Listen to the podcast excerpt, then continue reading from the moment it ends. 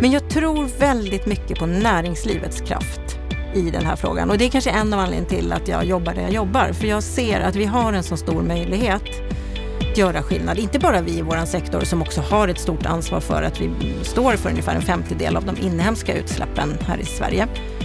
Utan för att det är ju så att kapitalismen eh, är ju en väldigt stor drivkraft. Kapitalismen är en drivkraft för att klara den omfattande klimatkrisen. En kris som är betydligt större än vad vi nyss trodde. Vilket ansvar har egentligen näringslivet när det gäller att rädda klimatet? Vad kan företag och bolag göra ganska så snabbt?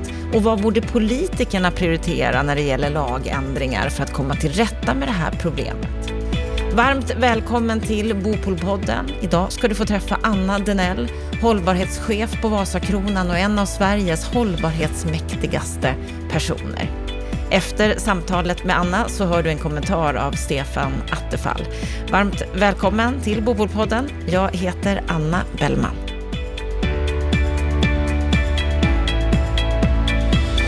Det går inte att blunda längre. Klimat och hållbarhetsfrågorna måste prioriteras och den som inte gör det kommer att vara en förlorare ur flera aspekter. Vår gäst här idag har arbetat fram Sveriges första gröna hyresavtal och världens första gröna företagsobligation. Och hon har varit högst delaktig i att göra Vasakronan till ett av Europas mest hållbara fastighetsbolag. Hon är hållbarhetschef på Vasakronan. Varmt välkommen till Bopolpodden, Anna Denell. Tack så mycket. Vad är din sinnesstämning idag? Ja, idag går jag mest omkring och funderar på en ny FN-rapport som kom i fredags. Som tyvärr konstaterar att de utsläppsminskningar som vi såg under 2020 har upphört. De var ju en konsekvens av pandemin. Många samhällen stängde ner helt och hållet. Men att vi nu ökar utsläppen igen och att det ser ut som att vi fram till 2030 med den takten som vi håller nu, när vi skulle behöva minska utsläppen med ungefär 55 procent, istället ökar utsläppen med 13 procent. Och eh, om man då skulle eh, förlänga den här prognosen fram till det här århundradets slut så tyder det på en temperaturökning på 2,7 grader. Det manar ju till eftertänksamhet men också till väldigt mycket verkstad. Vi måste börja göra mycket mer och kanske sluta göra en del saker också. Eh, men, men här och nu och inte bara sitta och fundera på vad man borde göra utan faktiskt eh, ta tag i alla saker som absolut måste göras. Betyder det här att läget är väldigt mycket sämre än vad vi trodde? Jag, ja, alltså om man säger med, med, vi menar allmänheten så är det så, ja. Jag, jag, är helt säker på att många kunniga forskare runt om i världen har sett det här. Men, men nu har ju då FN sammanställt det här i en rapport och det är väl först då det möjligtvis blir åskådliggjort för oss eh, vanliga dödliga då, som inte plöjer klimatrapporter på tusentals sidor dag ut och dag Fast du är ju en riktig nörd måste man väl ändå säga inom hållbarhet. Hur kom det sig att du har kommit så, så engagerat djupt i de här frågorna? Mm, det är ju en bra fråga. Jag vet precis när det hände. Eh, jag har ju en naturvetenskaplig bakgrund. Jag har gått på KTH, läst mycket miljö och hållbarhetskurser. Men jag var faktiskt totalt ointresserad av de här frågorna i min ungdom. Jag var mer intresserad av att eh, göra fastighetsaffärer, projektutveckla och jobba med fastighetsförvaltning. Men eh, i samband med en stor fastighetskonferens hösten 2007 så var det en av inledningstalarna en dag som var Anders Wikman. På den tiden var han EU-parlamentariker Eh, och han, det stod också i programmet att han skulle prata om klimatfrågan och jag tyckte herregud vad intressant. Eh, jag stannar här i lobbyn och ser om jag hittar lite gamla klasskompisar eller någon annan jag känner som jag kan fika med. Men hur det var så gick jag ändå in och satte mig där och lyssnade på vad Anders sa och eh, då fick jag en extrem aha-upplevelse. Eh, för att som jag sa, naturvetare i botten, så har jag liksom varit medveten om klimatfenomen. Jag kan ju förstå det rent liksom fysikaliska fenomenet. Men jag hade inte på riktigt börjat fundera över vad ett förändrat klimat skulle kunna få för inverkan på ja, liksom oss som människor, våra samhällen och framförallt för företag. Och mm, då började jag faktiskt plugga på. Jag läste allt som fanns att läsa. Eh, och det är ganska mycket tack vare internet. Eh, och och eh, sen började jag faktiskt tjata om den här frågan på i princip vartenda möte efter det här. Och sen ett par år senare så fick jag chansen att ta ansvar för de här frågorna på riktigt i, i en roll som hållbarhetschef. Ja, om man ska titta på din bakgrund som du säger så har du en bakgrund på KTH. Du har jobbat inom fastighetsbranschen lång, lång tid. Du började som förvaltare 99 på AP Fastigheter och som sen slogs ihop med Vasakronan. Och sen 2012 just då så blev du hållbarhetschef. Mm. Ja, eller det, egentligen så var det faktiskt redan 2009. Mm. Fast då hette det miljöchef. Mm. Samma sak. Ja. Mm. Och de senaste sex åren så har du röstats fram varje år som en av Sveriges hundra hållbarhetsmäktigaste personer. Du har fått väldigt många priser för ditt engagemang när det gäller hållbarhet. Bland annat har du utsetts till Årets samhällsbyggare och Sveriges bästa hållbarhetschef. Du har tilldelats Greenbuild Europe Leadership Award och du benämns ju som branschens främsta hållbarhetsprofil. Hur känns det? För det första så brukar jag poängtera att det är ju, jag är ju kanske den personen som får vara talesperson för Vasakronan i de här frågorna. Och såklart så, så finns det ett personligt engagemang från, från mig också i botten. Men det är ju trots allt hela Vasakronan som ligger bakom det här arbetet. Eh, från en väldigt engagerad ledning och styrelse till väldigt, väldigt engagerade kollegor. Så att eh, det är ju inte jag som egentligen förtjänar de här priserna utan det är ju hela Vasakronan. Och sen har jag bara fått det roliga jobbet då att i de här sammanhangen få vara ansiktet utåt. Mm, du, du, har fått äran. Mm, men vi ska ändå prata lite om vad ni har gjort på Vasakronan. Men innan dess lite mer om dig då. Du är ju en av initiativtagarna till att Sweden Green Building Council bildades 2009. Vad är det? Mm. Ja, det är ju en, en organisation för hela vad ska man säga, bygg, fastighets, anläggningsbranschen. Eh, där syftet är att försöka göra den mer hållbar, framförallt med, eh, med betoning på de gröna frågorna. Och eh, sådana här Green Building Councils, det var någonting som vi såg då eh, någon gång eh, runt 2007-2008. Fanns i väldigt många andra länder. Det var vanligt att de hade sådana här eh, miljövärderingssystem för byggnader och att de på något sätt enade branschen lite grann i och kunde på något sätt snabba på genom de här frivilliga certifieringarna eller andra verktyg kunde snabba på en omställning av bygg och fastighetsbranschen som ju är så angelägen. Um, och då tyckte vi att uh, ja, om det finns i andra länder borde det inte finnas ett sånt i Sverige. Och så var vi några stycken, återigen, det var absolut inte jag som var ensam om detta arbete. Det var många eldsjälar i det. Uh, men, men jag var ju med liksom i begynnelsen och uh, drog igång det. Och eh, det var ett väldigt spännande och roligt arbete. Leder det någonstans då? Leder de här certifieringarna någonstans? Ja men det tycker jag att de gör, verkligen. Ibland så, jag, jag tycker det är alltid viktigt när man håller på att jobba med hållbarhetsfrågor att man rannsakar sig själv och sin egen organisation och initiativ som tas. Eh, men, och, och, det finns många saker man kan kritisera, både kanske med Sweden Green Building Council som organisation och eh, systemen som man företräder. Men på det hela taget så har det hjälpt till att snabba på den här utvecklingen. För att jag tycker att en sak ska vi också ha klart för oss, att lagstiftningen inom vårt område och eh, alltså bygg och anläggning, fastighet och hållbarhet är ju otroligt sömnig. Det, det finns nästan ingenting som tvingar oss att göra någonting. Och då är de här frivilliga systemen otroligt viktiga för att pusha på. Och sen har vi på Vasakronan flera exempel på, vi har ju då fattat beslut sedan mer än tio år tillbaka att vi ska alltid certifiera våra projekt och även numera då, eh, sen kanske, ja det är väl också snart tio år sedan vi fattade det beslutet, att alla våra befintliga byggnader också ska certifieras.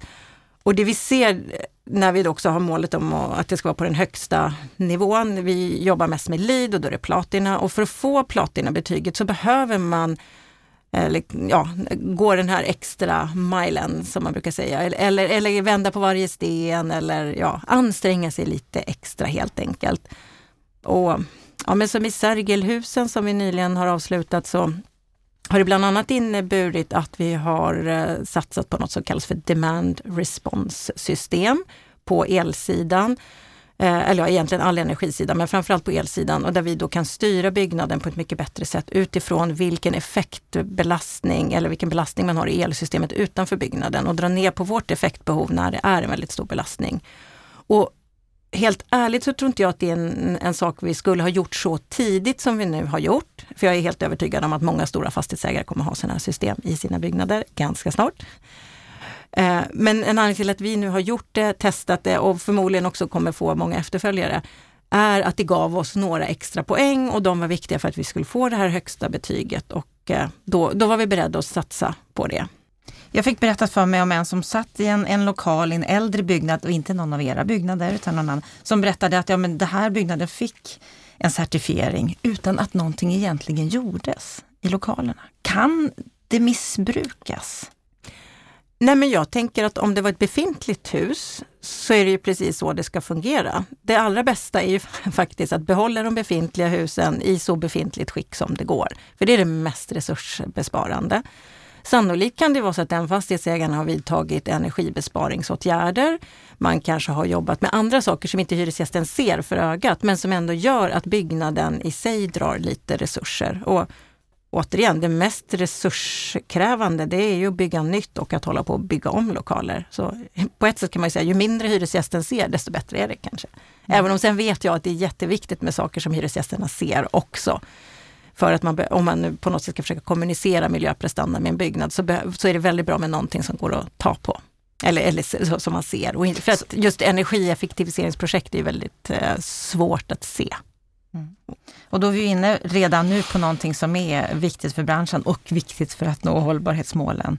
Vad använder vi för material och hur mm. ska vi tänka på våra byggnader? Vi ska återkomma lite till det. Innan vi gör det, jag, jag vill bara grotta ner lite mer i, i det här vi började med din sinnesstämning, att du direkt tänkte på FN-rapporten. Vi är i en kris. Upplever du att det finns en medvetenhet kring det? Nej, tyvärr inte alls.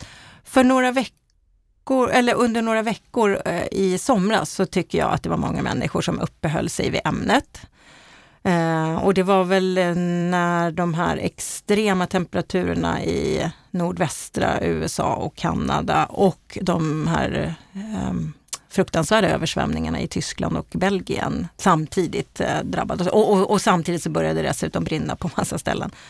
Ehm, då tycker jag att det kändes som att många människor, det, det var liksom top of mind hos många. Men eh, nu tror jag alla bara håller på att fundera på vad för roligt vi ska hitta på när pandemin är slut, som jag hör många säga. Vilket jag inte, jag, jag delar nog inte den uppfattningen. Att den är och vad menar du då? Att man inte tänker på att, att vara rädd om den miljön och fortsätta och, och spara på resan och så vidare, eller? Nej, men jag vet inte. Det, det förefaller ibland som att vi som kollektiv, inte enskilda individer kanske, men att vi har svårt att hålla mer än en tanke i huvudet samtidigt. Och just nu så är det väldigt mycket om samhällets öppnande och, och såklart är det ju väldigt bra att vi har många som har vaccinerat oss och att vi, vad ska jag säga, om man tittar på det som händer med pandemin. Men, men eh, ja, och nu verkar det vara det som sysselsätter oss som kollektiv. Att vi funderar på vad som kommer att hända då. Och då på något sätt har vi glömt bort den här, eh, ja vad ska man säga, stora överliggande krisen som vi har hängande över oss. Vad tror du att det beror på? Det finns så många kloka människor som forskar på, på det ämnesområdet som har sagt mycket klokt, så jag vet inte om jag ska ge mig på att gissa där, men det jag har hört sägas och, så, och, och, som jag tror mycket på är att det här är ju en kris som är ganska, lång, den är ganska långsam. Ibland så drar man liknelsen med att man, man kan liksom koka ihjäl grodor i en kastrull. Så, för de hoppar inte ur när, man, när vattentemperaturen ökar väldigt långsamt. Och att det är lite någon slags sånt fenomen. Det, det sker så pass långsamt så vi har, för svårt, vi har svårt att förstå vad det egentligen är som händer.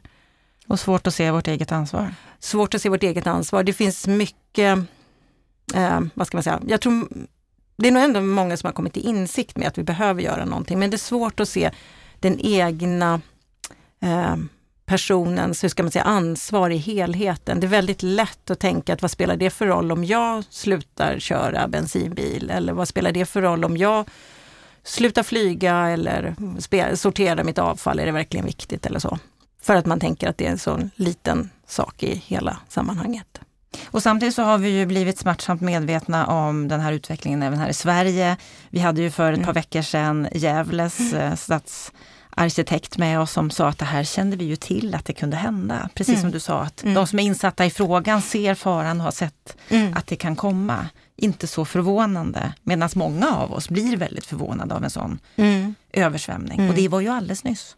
Ja, absolut. Eh, och vi hade ju bränder för två, eh, eller var det 2018, tre år sedan, som vi hade stora skogsbränder i Sverige. Um, men vi tar ändå inte på allvar? Vi tar det inte på allvar, nej. Och, och jag kan inte, jag, som sagt var det är inte mitt ämnesområde, så jag kan inte förklara mm. det mänskliga. Eh, Men vi ser, vi hör ju mm. politiker, alla mm. är ju i princip mm. gröna partier idag. Mm. mm. Det är inte bara Miljöpartiet nej, längre, utan nej, nej, det precis. finns ju ja. på agendan och många lyfter upp det. Görs det inte tillräckligt? Nej men det är helt uppenbart att det inte görs. Och, och sen är det klart att eh, till viss del så delar jag den här uppfattningen att eh, vi kan ju inte lösa klimatfrågan ensamma i Sverige. Det är ett arbete som måste ske på global nivå också. Men, eh, men jag tror att det är viktigt att det sker på varje plan. Globalt, eh, inom EU, inom varje eh, stat i EU och sen så liksom när vi då kommer till staten Sverige så får vi också på något sätt, det finns ett eh, kollektivt ansvar eh, ett ansvar på det offentliga och sen så finns det ett ansvar på oss som individer. Och ett ansvar för bolag, organisationer. Ja, absolut. Och jag ja. tänker mm. att fastighets och bostadsbranschen då, som ju, som ju du företräder och, och som vi pratar om i den här mm. podden, mm.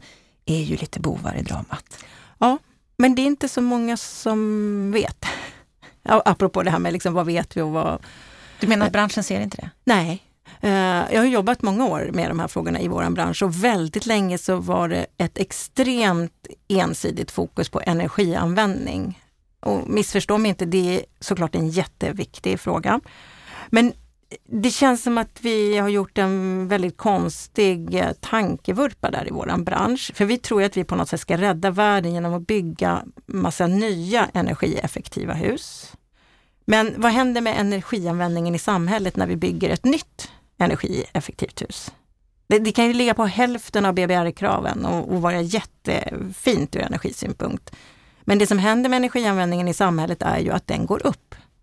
För det är ofta så att vi adderar ju kvadratmeter totalt sett. Det är sällan vi tar bort. Det, det händer att det rivs, men totalt sett så adderar vi hela tiden nya kvadratmeter och det gör ju att energianvändningen totalt sett går upp i samhället energiintensiteten totalt sett i det byggda beståndet går ju ner på marginalen när vi adderar nya effektiva, men den totala användningen går ju upp. Och det vi verkligen borde göra i våran sektor, det är ju att effektivisera det befintliga beståndet. Alltså om man tittar på eh, vår del av lösningen på ett eh, energisystem som eh, eh, är bättre för klimatet. För det som händer är ju att när vi bygger nya hus så har vi också en väldigt hög klimatpåverkan eftersom Många gånger så är ju kanske av den totala eh, klimatpåverkan så ligger ju kanske 80 procent i själva produktionen av nya kvadratmeter och bara 20 procent i energisked, eller i förvaltningsskedet i form av energianvändning. Så vi lurar oss själva? Ja, det gör vi absolut. Mm. Du sa mm. så här, eller du var en av undertecknarna i en debattartikel för ett tag sedan, DN Debatt, där rubriken löd Alla kontor som behövs i Sverige är redan byggda. Ja, det var före pandemin. Det var före pandemin, men stämmer det? Ja, på ett övergripande plan så är jag helt övertygad om att det gör det. Eh, och den här grundar sig ju i att eh, vi ser att kontorshus före pandemin användes ungefär 10% av tiden. Och jag förstår ju också att människor inte vill sitta på jobbet klockan tre på natten mellan lördag och söndag. Så en viss eh, liksom, eh, tidsvakans kommer vi ha. Alltså, eh, husen används inte för att det bedrivs ingen verksamhet där. Men eh, 10% kanske är liksom i minsta laget, även när man har tagit bort kvällar, helger och eh Eh, ja, kvällar, nätter och helger. Och det är ju för att många företag hyr mycket mera kvadrat än vad de egentligen behöver och sen så bedrivs det de facto inte så mycket verksamhet där. Sen är det ju så att exakt om de här kvadraten som behövs ligger på rätt ställe eller inte, det är ju såklart en annan fråga. Och det här var ju såklart ett retoriskt grepp för att få upp ögonen för en fråga om att borde vi inte nyttja eh, vårt befintliga bestånd bättre? Och det finns ju massa sådana helt sjuka exempel Eh, hemma i mina kvarter där jag bor så eh, fanns det ett tag en vårdcentral. Den hade öppet mellan 8 och 17 och sen vägg i vägg så låg det en jourläkarmottagning och de öppnade klockan 17 när vårdcentralen stängde och hade sen öppet eh, några timmar på kvällen och sen även på helgerna. Alla de tiderna när vårdcentralen inte hade öppet. Lokalbehovet såg ju exakt likadant ut. Man behövde en reception, man behövde mottagningsrum och så, ja, mm, typ that's it. Ett väntrum också. Och varför kan inte de två verksamheterna använda samma lokaler? Det är helt sjukt. Och jag kan förstå för ett antal år sedan när man kanske eventuellt hade pappersjournaler i, i skåp och att det var väldigt viktigt av liksom integritetsskäl att man inte kan släppa in en annan huvudman. Men numera så är ju väldigt, väldigt mycket digitalt. Eh, och då är det mycket lättare att faktiskt eh, samnyttja lokaler mellan olika verksamheter. Och det här är ändå två verksamheter då som bedriver i princip identisk verksamhet, bara det att det är olika tider på dygnet. Och det finns massor med sådana här exempel om man börjar tänka efter. Och ett exempel som några har försökt att prov, provtänka är ju att, att kombinera kontor med faktiskt boende. Mm. Mm. Är det en lösning? För de flesta kontor används inte på nätterna. Nej. Men då har vi andra problem med sån tanke. Jag tänker det första är väl liksom så här eh, bygglagstiftningsmässigt. Liksom, vad, vad medger ens planen? Det brukar oftast vara antingen eller. Så jag tänker när man då ska samnyttja mellan olika verksamheter som dessutom ur ett planperspektiv har så olika, liksom, är två olika typer så kanske det eventuellt kan bli svårt. Men eh, Ja, men vi måste rädda planeten. Ja men absolut, eh, så att eventuella lagar ska ju inte hindra oss i sånt fall, då får man ju se över lagarna. Men möjligtvis skulle väl jag hävda, det kanske inte är den mest eh, uppenbara hur ska man säga, kombination. Nej, kombination. Det finns andra lösningar som vi kan göra före det. Men ja, vad borde mm. branschen göra för att gå i bräschen här och se sin del mm. i klimatförstöringen? Mm. Jag tycker ju att vi alla, oavsett vilken typ av byggnader vi bygger, måste man nog kanske göra någon så första analys. Behövs verkligen de här kvadratmetrarna? Och det är väldigt lätt att intala sig själv att de gör det. Eh, och jag förstår att det är oerhört provocerande när jag säger så, att vi på ett övergripande plan så borde vi titta på det. Men Vasakronan bygger också nytt så att eh, det, det, det gör vi alla i branschen. Men Eh, för då är det en del som säger att ah, ja, men bostäder behövs i alla fall. Jo, absolut, vi, vi har en bostadsbrist, men där tycker jag att man kanske behöver fundera på hur mycket av den bostadsbristen är egentligen på pappret. Det finns många människor som just nu behöver en bostad, men hur många bostäder finns det som egentligen inte nyttjas på ett bra sätt? Där får jag väl erkänna att jag själv eh, eh disponerar disponerar ett fritidshus som ligger på typ pendlingsavstånd ifrån Stockholmsregionen och det använder vi inte så jättemycket vintertid. Det, det kan man ju bara titta på, liksom att eh, där kunde ju vi funderar på om det inte hade varit bättre att hyra ute eh, eftersom det skulle funka som bostad för någon. Eh, men det finns ju andra saker av skatteskäl som man inte väljer att flytta från ett stort boende till ett mindre. Mm, eller, Rörligheten är ganska låg. Ja, och det finns hy, mm, ja, liksom brister i, i vår hyreslagstiftning som kanske också låser in människor i, i, i större lägenheter än vad man kanske egentligen, eh, eh ja, eller ja, mm, hur ska jag uttrycka det då? Men att man kanske snarare man konsumerar mera bostad än vad man egentligen behöver och vad man egentligen kanske då eh, skulle ha råd att disponera om vi inte hade ett hyressättningssystem som, som gör det möjligt på vissa ställen. Så att se över lagstiftning, se över den ekonomiska inlåsningseffekten mm, som, mm, som, mm. som vi ser idag. Mm. Det här har vi tagit upp i den här podden många gånger. Ja, precis. Men, men sen också då, det, det händer från tid till annan att man upptäcker till exempel att ett kontorshus är på något sätt eh, väldigt omodernt, inte passar längre och så. Och i många sådana situationer så ligger de ju kanske till på ett sådant sätt så att det skulle vara utmärkt att konvertera till bostäder. Men då är det återigen lagstiftnings eh, hur ska man säga, problem eh, där jag känner till flera exempel där det blir i princip tekniskt omöjligt och då blir det billigare att riva huset och bygga nytt. För att om du ska klara av alla nybyggnadskrav som finns så, så är det egentligen den bästa lösningen. Och den är helt urusel ur ett klimatperspektiv. Och ibland så tänker jag så, det är självklart, vissa nybyggnadsregler är ju oerhört viktiga för människor. Men återigen, nu är det inte detta mitt eh, expertområde, för jag har inte forskat på dagsljus. Men jag tänker så här, om vi i ena vågskolan eh, har eh, är, liksom en temperaturökning på 2,7 grader till 2100 eller nybyggda bostäder med goda dagsljusvillkor, så känner jag så här, mm, det kan nog vara så att de här dagsljusvillkoren eventuellt skulle kunna diskuteras. Särskilt eftersom det är så att vi har ett stort antal bostäder som redan är byggda och som inte uppfyller dagens dagsljusvillkor men ändå får stå kvar. Det är ju inte så att vi måste riva alla hus som redan finns, utan det är just för att när du ska konvertera ett hus som används för någonting annat, då bam så trillar alla nybyggnadskrav in. Och där tycker att det skulle vara fullt rimligt att göra det som jag vet att Boverket fick ett eh, uppdrag att studera. Liksom vilka nybyggnadsregler skulle man eventuellt kunna ha en annan syn på när man konverterar någonting befintligt. Men så vitt jag förstod av den utredningen så lyckades man inte komma fram till så många saker. Så att, eh, man kan ju fundera på om det är så att det kanske saknas en viss sense of urgency på den myndigheten. Mm, kanske saknas sense of urgency på många platser. Vad är det ni på Vasakronan har gjort för att gå framåt i de här frågorna?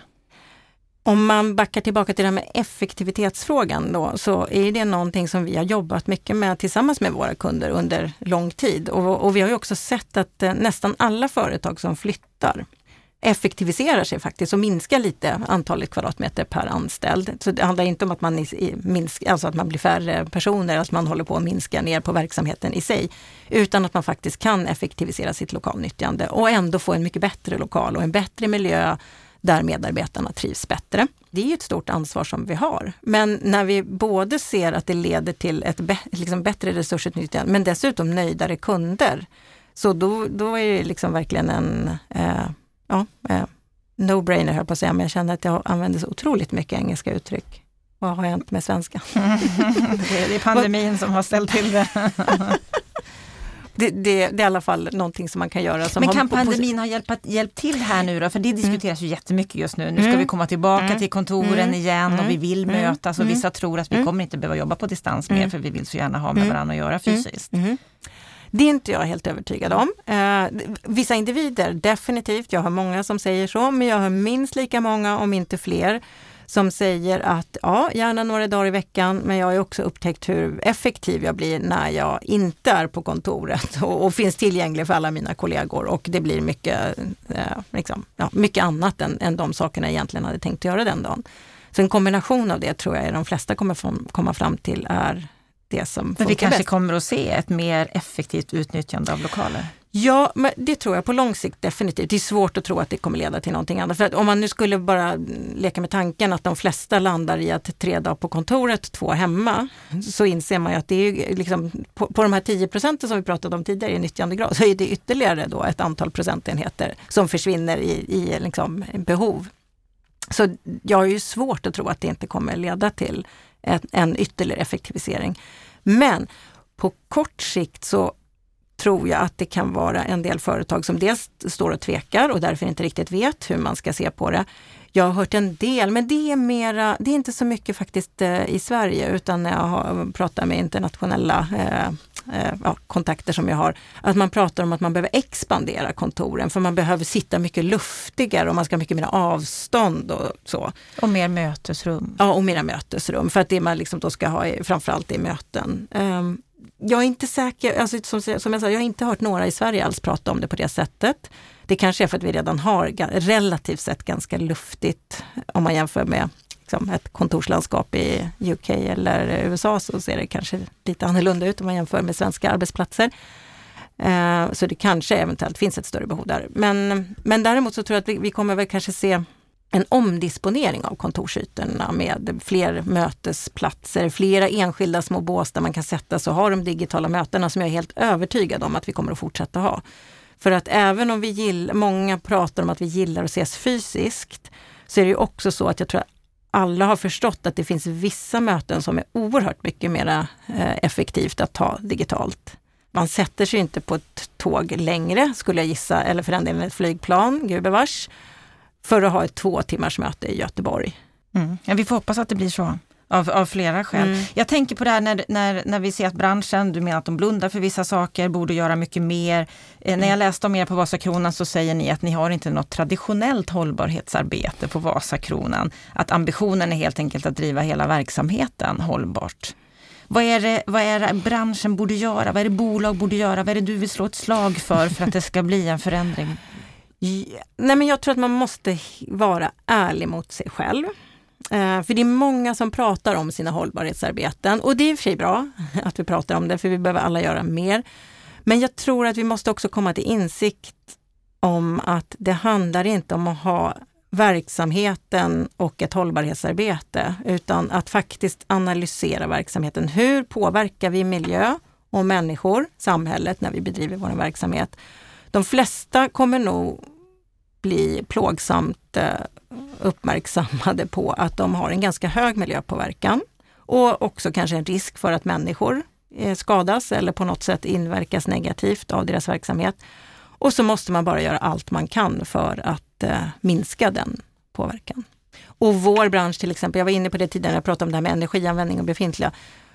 Vår bransch har ju absolut ännu inte tagit hand om frågan, alltså den stora miljö och klimatpåverkan av att bygga nytt. Det krävs ju mer än ett ton material för att bygga en kvadratmeter kontor. Det är mycket. Det är jättemycket. Um, och om du tittar på ett projekt vilket som helst, ett projekt som inte har jobbat för att försöka minska sin klimatpåverkan eller liksom ta hand om sin miljöpåverkan, så kommer man upptäcka att eh, minst 90% av det materialet kommer från icke förnybara naturresurser. Det vill säga naturresurser som aldrig mer återbildas på den här planeten. Och um, att det dessutom genererar en hög klimatpåverkan, kanske ett halvt ton ungefär per kvadratmeter i, um, producerad. Vi pratar ju mm. väldigt mycket om återbruk mm. i branschen nu, att mm. återanvända mm. material. Hur mm. mycket mer återbruk skulle vi kunna ägna oss Väldigt mycket mera tror jag. Ehm, för det första så kan man säga, och det är inte egentligen återbruk eh, i dess rätta bemärkelse, men framförallt det jag var inne på tidigare, kanske inte riva hus för att de längre... Det, det måste ju vara helt okej okay att säga så här, okej, okay, det här huset är byggt för kontor, vi ser att den marknaden finns inte på den här platsen längre. Man kan inte liksom tvinga fram en efterfrågan på något som inte längre liksom naturligt efterfrågas. Men sannolikt så, så kan, om man då kommer fram till att bostäder skulle kunna funka, då måste ju prio ett vara att försöka göra någonting bra av den stommen som står där. För den stora påverkan oftast hos oss är ju själva grunden och stommen. Och finns det redan en sån där, ja men då måste man ju försöka göra någonting åt det. Uh, för, det ja, för det är en, en sån extremt stor um, miljönytta av att göra det. Men sen handlar det mycket om, i den liksom nischen av branschen som vi finns i, kontor och eh, arbetsplatser och, och eh, butikslokaler. Där har vi dessutom en väldigt kort omloppstid på inredningen, och, alltså inte stolar och, och bord och så, utan den invändiga inredningen, mattor och undertak och innerväggar och sånt och pentryinredningar. Och där finns det ju en jättestor möjlighet att återbruka mer. För det vi ser typiskt sett, och det är inte bara på Vasakronan, om vi tittar på branschen, så är det så att det som åker ut och landar i containern är ju inte saker som har uppnått sin tekniska livslängd eller är trasigt, fult och gammalt. Utan det åker ut på grund av att det har fel färg eller ibland inte ens på grund av det, utan det åker ut för att säga, men vi ska ändå flytta pentryt och det är billigare att riva det gamla och bygga upp det nya liksom i rätt läge. Det är ingen idé för att om vi ska hålla på och spara det här och bla. Också en tankevurpa eller? Ja, såklart. Mm. Och så tänker jag på det här med mm. transporter. Mm. Du var ju inne på det här med elbilar nyss. Mm. Kör, ja. kör ni med el? Ja, det gör vi. Eh, vi bytte alla våra bilar för, ja, jag vet inte hur många år sedan det är nu. Överhuvudtaget så, så drog vi ner på antalet bilar, men eh, de vi har kvar, de är elbilar nu. Och så ställer vi krav på våra eh, leverantörer, både mm, service och liksom driftleverantörer, men såklart också byggprojekt där vi har liksom en väldigt stor påverkan på grund av transporterna. Både att de ska minska ner genom samordnad logistik och det är bra inte bara av klimatskäl utan den här trafiken stör ju också, den är bullrig, den eh, orsakar andra typer av luftföroreningar och eh, är ju dessutom en orsak till trängsel på våra gator. Så att eh, det är liksom prio ett att försöka jobba med samordnad logistik, men sen också då ställa krav på att det ska vara förnybart bränsle i alla bilarna som Hur körs. Hur stor effekt gör det? Det beror ju lite grann på från projekt till projekt, men jag menar om du inte ställer den här typen av krav, då kommer det ju halvbila, eller halv, halvfulla bilar hela tiden. För det vi har sett när vi har börjat tillämpa det här, att det blir ju dessutom bättre ordning på byggarbetsplatsen. För då måste man oftast utse en eh, liksom logistikansvarig som ser till att det här funkar då. Eh, och den responsen som jag har fått när jag har pratat med våra ansvariga är att det, det, det blir liksom en bättre eh, logistik inne på byggarbetsplatsen också. Man har bättre koll på vilka saker som finns, eh, redan finns eller när det ska komma och eh, ja, så helt enkelt. När jag hörde dig på konferensen Fastighetskvinnan här för ett par veckor sedan så pratade du just om elbilar och då sa du det att om man inte skaffar en elbil, då ska man inte köra bil överhuvudtaget. Ja, eh, det är nämligen en väldigt vanlig fråga. Så här, men vore det inte bättre att jag körde min gamla bensinbil? För det är väl så miljöskadligt att producera en ny. Och jag har alldeles nytt suttit och pratat här då om att eh, den stora belastningen i vår bransch är ju att bygga nytt eh, och att sen då liksom eh, eh, att vi, det vi också ska fundera på är att minska energianvändningen i de befintliga.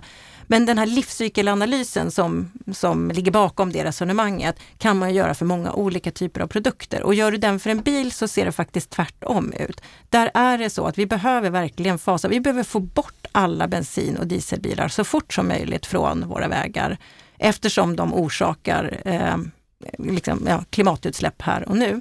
Och ja, den, elbilen som du, om du köper den eller, eller nyttjar via en bilpool eller någonting sånt där, den kommer ju ha orsakat utsläpp när den har producerats. Men vi kommer, alltså, kom, kommer vi inte ställa om fordonsflottan till elbilar, biogasbilar är ett annat bra alternativ, eller vätgasbilar, då kan vi inte fortsätta att köra bil. För det, den ekvationen går inte ihop. Vi måste täppa till alla eh, skorstenar och avgasrör som släpper ut eh, olika typer av klimatgaser. Det finns mycket vi kan göra, det finns mycket vi borde göra, det finns mycket vi måste göra när det gäller den här frågan. Och nu har ju som sagt då det du sa, FN kommit med en ny rapport som visar att det ser lite värre ut än vad vi trodde. Hur ska vi få upp den här sense of urgency hos politikerna, hos våra organisationer?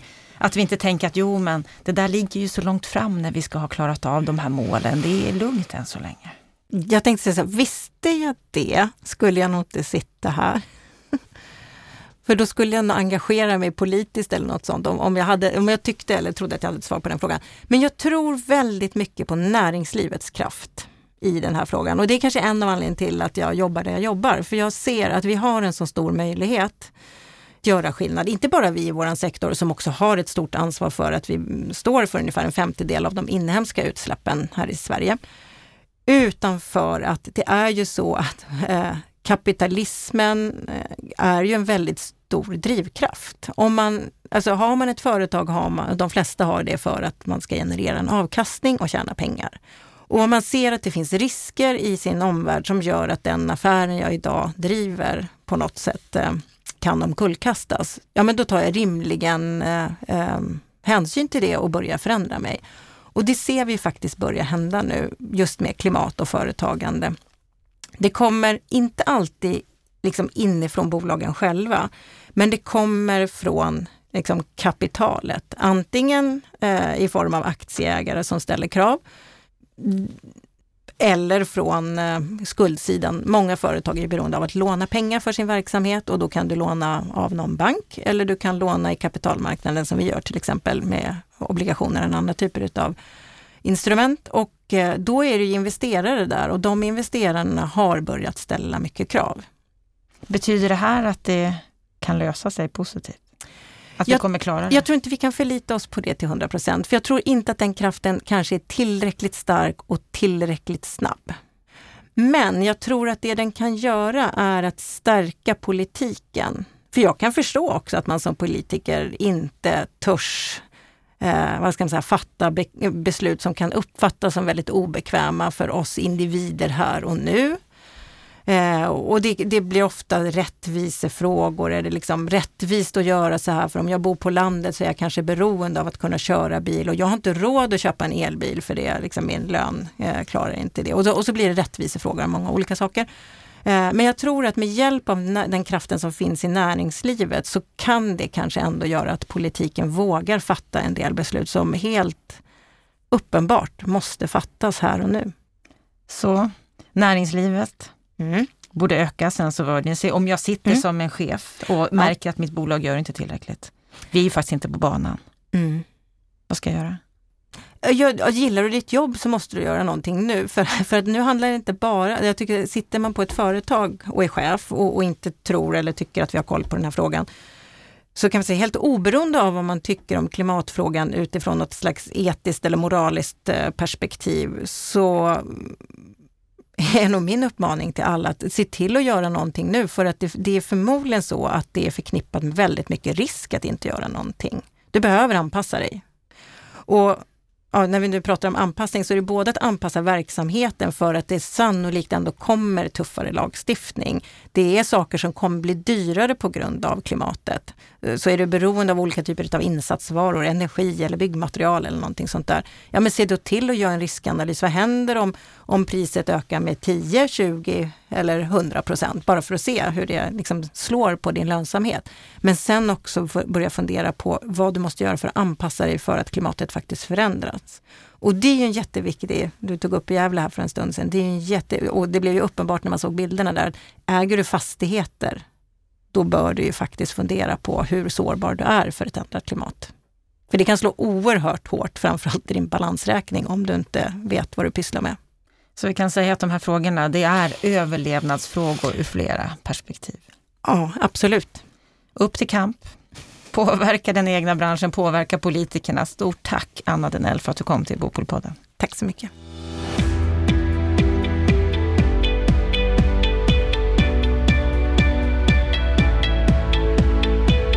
Då har vi hört samtalet med Anna Denell. Ja, Stefan Attefall, vad säger du om det här samtalet? Ja, det var roligt att höra hur de blivit omvända av eh, väckelsepredikanten Anders Wickman. Han är ju en fantastisk eh, förkunnare faktiskt och eh, ska säga, väcker verkligen folk för klimatfrågan. Och jag har ju själv lyssnat på honom och känner honom väl. Och det är han duktig på. Så det var verkligen kul att höra att hon har blivit eh, tänd på de här frågorna av honom. Eh, jag tycker hon är intressant. Alltså det är uppenbarligen en tung aktör inom hållbarhetsbranschen och eh, Anna har gjort stora insatser och eh, tycker hon har flera bra poänger också.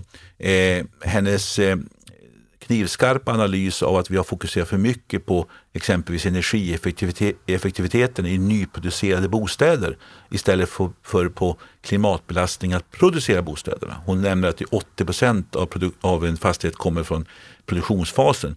Eh, andra uppgifter säger 50 till 80 procent. Men det ligger i den storleksordningen. Alltså majoriteten av klimatpåverkan på en fastighet kommer från produktionen. Men vi har fokuserat på de sista kilowatten när huset stått färdigt. Dessutom har ju ofta det huset värmts upp med kanske värme från fjärrvärme som har varit eh, klimatneutralt. Va? Och poängen är också den det att det har drivit upp produktionskostnaderna av bostäder exempelvis.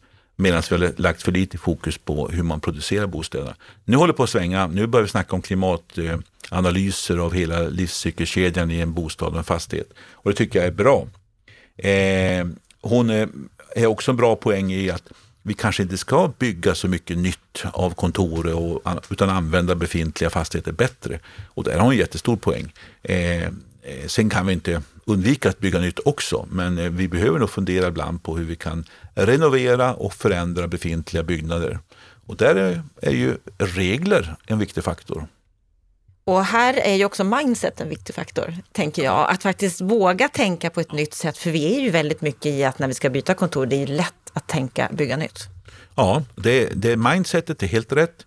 Sen är, hon pekar ju på att byggreglerna kan vara sådana när man ska bygga bostäder att man, kan, man hamnar i ett helt nytt regelverk om man ska göra eh, om man ska bygga eh, om en bostad eller en fastighet till bostäder. Och då blir det så dyrt istället för att acceptera vissa saker. Jag tycker att hon har helt rätt i detta. Vi borde alltså se över regelverket med just den där inställningen, det här mindsetet du talar om. att Hur använder vi befintlig stomme mycket bättre?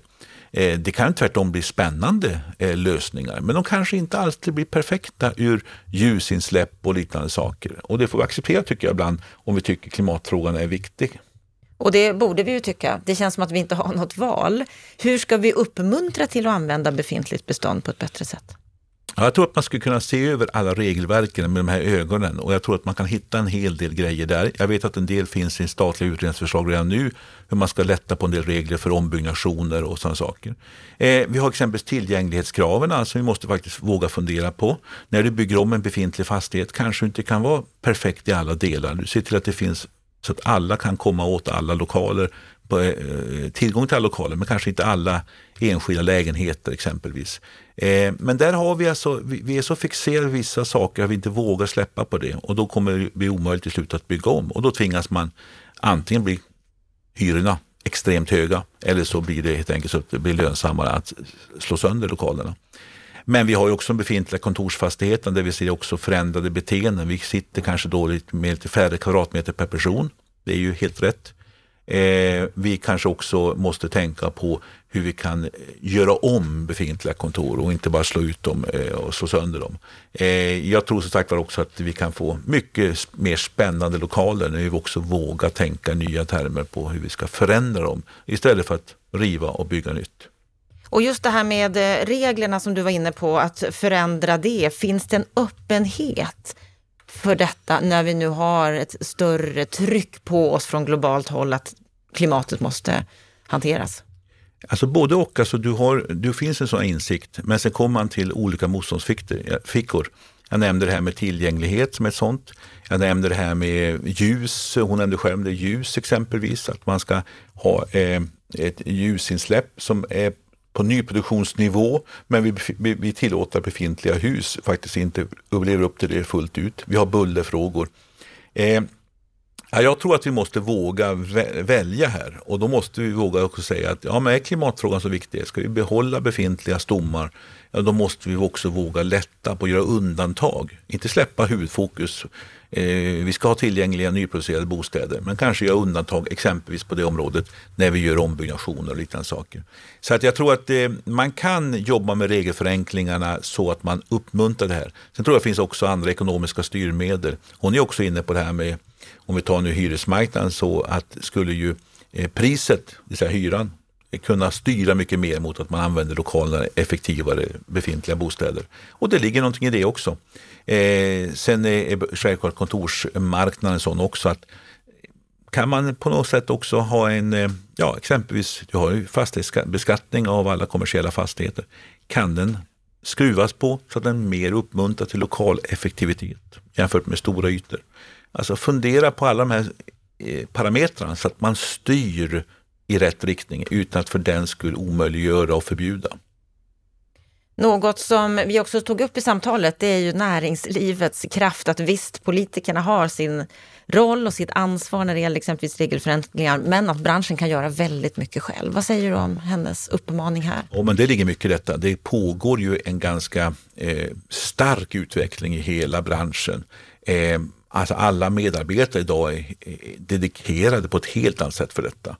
Och det, men det, återigen, det handlar om det, det så kallade mindset, det säga man måste fokusera på de här frågorna. Jag har ett exempel på själv när jag sitter med i Heimstad bostadsstyrelse så har vi tagit ett nytt mål nu. 46 procent av klimatutsläppen ska reduceras fram till 2030 så att det är i linje med Parisavtalet. Och vi har gjort en investeringsplan på över 5 miljarder för detta och lyckas också räkna hem det företagsekonomiskt, alltså förena affärsnytta med klimatnytta. Och det visar på att man kan ju det, men man måste jobba fokuserat, man måste jobba dedikerat med de här frågorna. Och där finns det en kraft i näringslivet idag som inte fanns för 10, 15, 20 år sedan. Så jag tror att näringslivet kommer att springa på ganska fort och det säger också andra som jobbar med klimatfrågor och näringsliv att det händer jättemycket i näringslivet idag. Så att eh, jag är ganska optimistisk om just den delen. Sen måste politiken hjälpa till med att skruva på regelverk, se till att de ekonomiska stimulanserna, incitamenten är rätta och självklart också följa upp med en del lagstiftningar. Men klimatanalyser av eh, nyproducerade bostäder är ett bra exempel på detta. Vi måste fortsätta på det. Utsläppshandel som EU har. Skruva på de systemen så vi vrider utvecklingen åt rätt håll. Då tror jag vi kommer att klara det här. Men det krävs att alla drar sitt strå till stacken krävs mycket om vi ska klara av våra klimatutmaningar och vi kommer att fortsätta, är jag helt övertygad om, att prata om de här sakerna i olika sammanhang. Är det så att du vill eh, läsa mer om bostads och fastighetspolitik och olika incitament när det gäller olika frågor, ja då går du in på bostadspolitik.se. Med detta så önskar vi dig en trevlig vecka.